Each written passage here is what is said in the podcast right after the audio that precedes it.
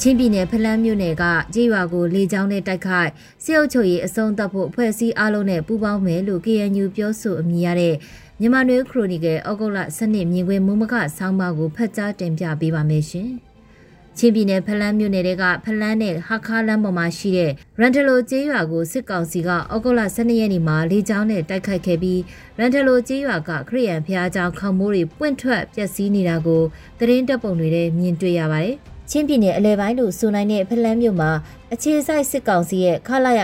268တပ်ရင်းကိုချင်းအမျိုးသားတပ်မတော် CNA က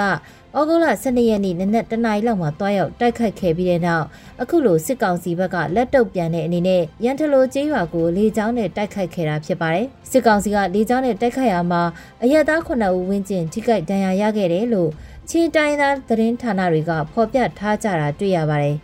စစ်ကောင်စီတပ်ရင်းက6ဦးသေဆုံးတယ်လို့သတင်းတပုတ်မှာဖော်ပြပေမဲ့တိကျအတည်ပြုနိုင်ခြင်းတော့မရှိဘူးလို့ဆိုပါတယ်။ချင်းပြည်နယ်မှာဖလန်းမြို့ဟာဟာခမြို့ပြီးရင်ဒုတိယအကြီးဆုံးမြို့ဖြစ်ပြီးဖာစာပလာခေတ်ကချင်းဝိသေသတိုင်ရုံးဆိုင်ရာမြို့ဖြစ်ခဲ့ပါတယ်။ဆီယနာသိမ်းပြီးတဲ့နောက်ကာလတွေမှာစစ်ကောင်စီတပ်တွေဟာဟာခမြို့နဲ့တန်တလန်မြို့တို့ကိုရိတ်ခါနဲ့စစ်အင်အားပို့ဆောင်ရမှာဖျက်ဆီးသွားရတဲ့လမ်းကြောင်းပေါ်မှာရှိတဲ့မြို့ဖြစ်ပြီး တိုက်ပွဲတွေဖြစ်ပွားက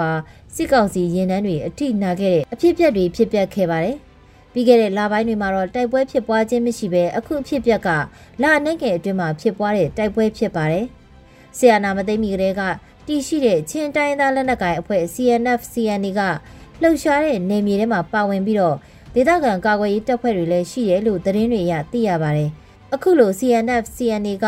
စစ်ကောင်စီတပ်ရင်းကိုတွားရောက်တိုက်ခိုက်မှုကို ဖလန်းမြို့နယ်ကဒေသကာကွယ်ရေးတပ်ဖွဲ့တွေအနေနဲ့ကြိုတင်မသိရှိခဲ့ကြောင်းလူမှုကွန်ရက်ပေါ်ကသတင်းဖော်ပြမှုတစ်ခုမှတွေ့ရှိရပါတယ်။၎င်းတို့တပ်ရင်းတိုက်ခိုက်ခံရမှုကိုစစ်ကောင်စီဘက်ကလက်တုပ်ပြန်ရမှာဖလန်းဟာခါကားလမ်းပေါ်ကရန်ထလိုကျေးရွာကိုလက်နက်ကြီးနဲ့လှမ်းပစ်တယ်လို့လေကြောင်းကလည်းတိုက်ခိုက်ခဲ့ပြီးကျေးရွာရဲ့အထင်ကရဖះเจ้าကိုပြစ်မှတ်ထားတိုက်ခိုက်ခဲ့တာကြောင့်ဖះเจ้าထိမှန်ပျက်စီးခဲ့ကြောင်းသတင်းတပ်ပုံတွေရသိရှိရပါတယ်ခရီးရဖျားเจ้าတွေဟာချင်းပြည်နယ်ကကြေးရွာတွေမှာ ကြေးရွာလူထုရဲ့ဘာသာရေးနယ်တွေမကလူမှုရေးရစုဝေးတွေ့ဆုံကြရာအများနဲ့ဆိုင်တဲ့အခမ်းအနားတွေကျင်းပတဲ့အခါမှာအသုံးပြုကြတဲ့နေရာတနေရာဖြစ်ပြီးစစ်ကောင်စီအနေနဲ့၎င်းတို့ကိုတိုက်ခိုက်တဲ့ကာကွယ်ရေးတပ်ဖွဲ့တွေကိုလက်တုံပြန်ရမှာကျေးရွာရဲ့ဘာသာရေးလူမှုရေးစုဝေးတွေ့ဆုံကြရာဖះเจ้าကိုပြစ်မှတ်ဖြစ်ထားတိုက်ခိုက်ဖျက်ဆီးတာလို့ကောက်ချက်ချရပါတယ်စစ်ကောင်စီအနေနဲ့ဘာသာရေးအဆောက်အုံကျန်းမာရေးစောင့်ရှောက်မှုအဆောက်အုံတွေနဲ့စာသင်ကျောင်းတွေကိုတိုက်ခတ်ခြင်းမပြုရဘူးဆိုတဲ့ နိုင်ငံတကာစစ်ဘက်ဆိုင်ရာကျင့်ဝတ်စည်းမျဉ်းတွေကိုလိုက်နာခြင်းမရှိတာအခုဖြစ်ရကထင်ရှားပါတယ်။ကရဏီဒေသကဖះเจ้าအများပြားလေးချောင်းတိုက်ခိုက်ခံရတာမိရှို့ဖျက်ဆီးခံရတာတွေရှိသလိုစကိုင်းတိုင်းကပေါ်တူဂီအနွယ်တွေနေထိုင်ကြတဲ့ခင်ဦးနဲ့ဒဇယ်မြို့နယ်တွေကကြေးရွာတွေကဖះเจ้าတွေလည်းမိရှို့ဖျက်ဆီးခံကြရတဲ့အဖြစ်အပျက်တွေရခိုင်နှစ်ကဖြစ်ပွားခဲ့ပါသေးတယ်။ပြည်သူ့ကာကွယ်ရေးလက်နက်ကိုင်အဖွဲ့တွေကအဆိုပါဖျားเจ้าတွေဘုံကြီးเจ้าတွေကိုလူစုဝေးရမှာစခန်းချရမှာအသုံးပြုတယ်ဆိုတဲ့တန်တရား ဆွဆွဲချက်တွေနဲ့စစ်ကောင်စီအနေနဲ့တိုက်ခိုက်တာဖြစ်ကောင်းဖြစ်နိုင်ပေမဲ့အမှန်တကယ်မှာတော့ဘာသာရေးအဆောက်အုံတွေကိုတိုက်ခိုက်ဖျက်ဆီးခြင်းဟာစီးရဲရအနိုင်ရလိုမှုနဲ့ဒဇာကန်တစ်ဖွဲ့လက်တုံပြန်တဲ့လှုပ်ဆောင်ချက်တွေသာဖြစ်တယ်လို့ယူဆရမှာဖြစ်ပါတယ်။ဒီကနေ့အတွက်နောက်သတင်းကြောင်းရာတစ်ခုကတော့ဩဂုတ်လ12ရက်နေ့ဟာကရင်မျိုးသားကောင်းဆောင်စောဘဦးကြီးကြာဆုံးတဲ့နေ့ဖြစ်ပြီးကရင်အာဇာနည်နေ့လို့ကွန်ပျူတာသတ်မှတ်ထားတဲ့နေ့ဖြစ်ပါတယ်။ ကရင်အာဇာနည်နေ့ကိုပေးပို့တဲ့တဝင်းလွှာမှာ KNU ဥက္ကဋ္ဌဗဒိုကွယ်ထူးဝင်းက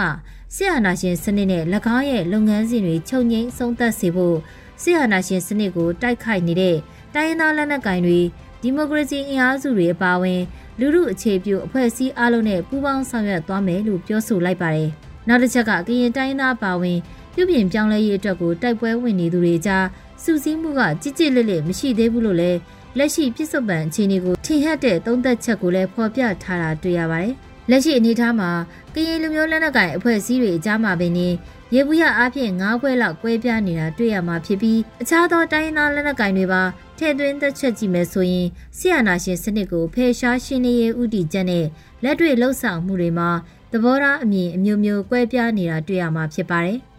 KNU ဥက္ကဋ္ဌဗဒိုကွယ်ထူးဝင်းရဲ့မှတ်ချက်စကားဟာ KNU ရဲ့အနာဂတ်ရည်မှန်းချက်ကိုထုတ်ဖော်ပြောဆိုထားသလိုလက်ရှိအခြေအနေကိုလည်းထင်ဟပ်နေတယ်လို့ဆိုရမှာဖြစ်ပါတယ်ရှင်။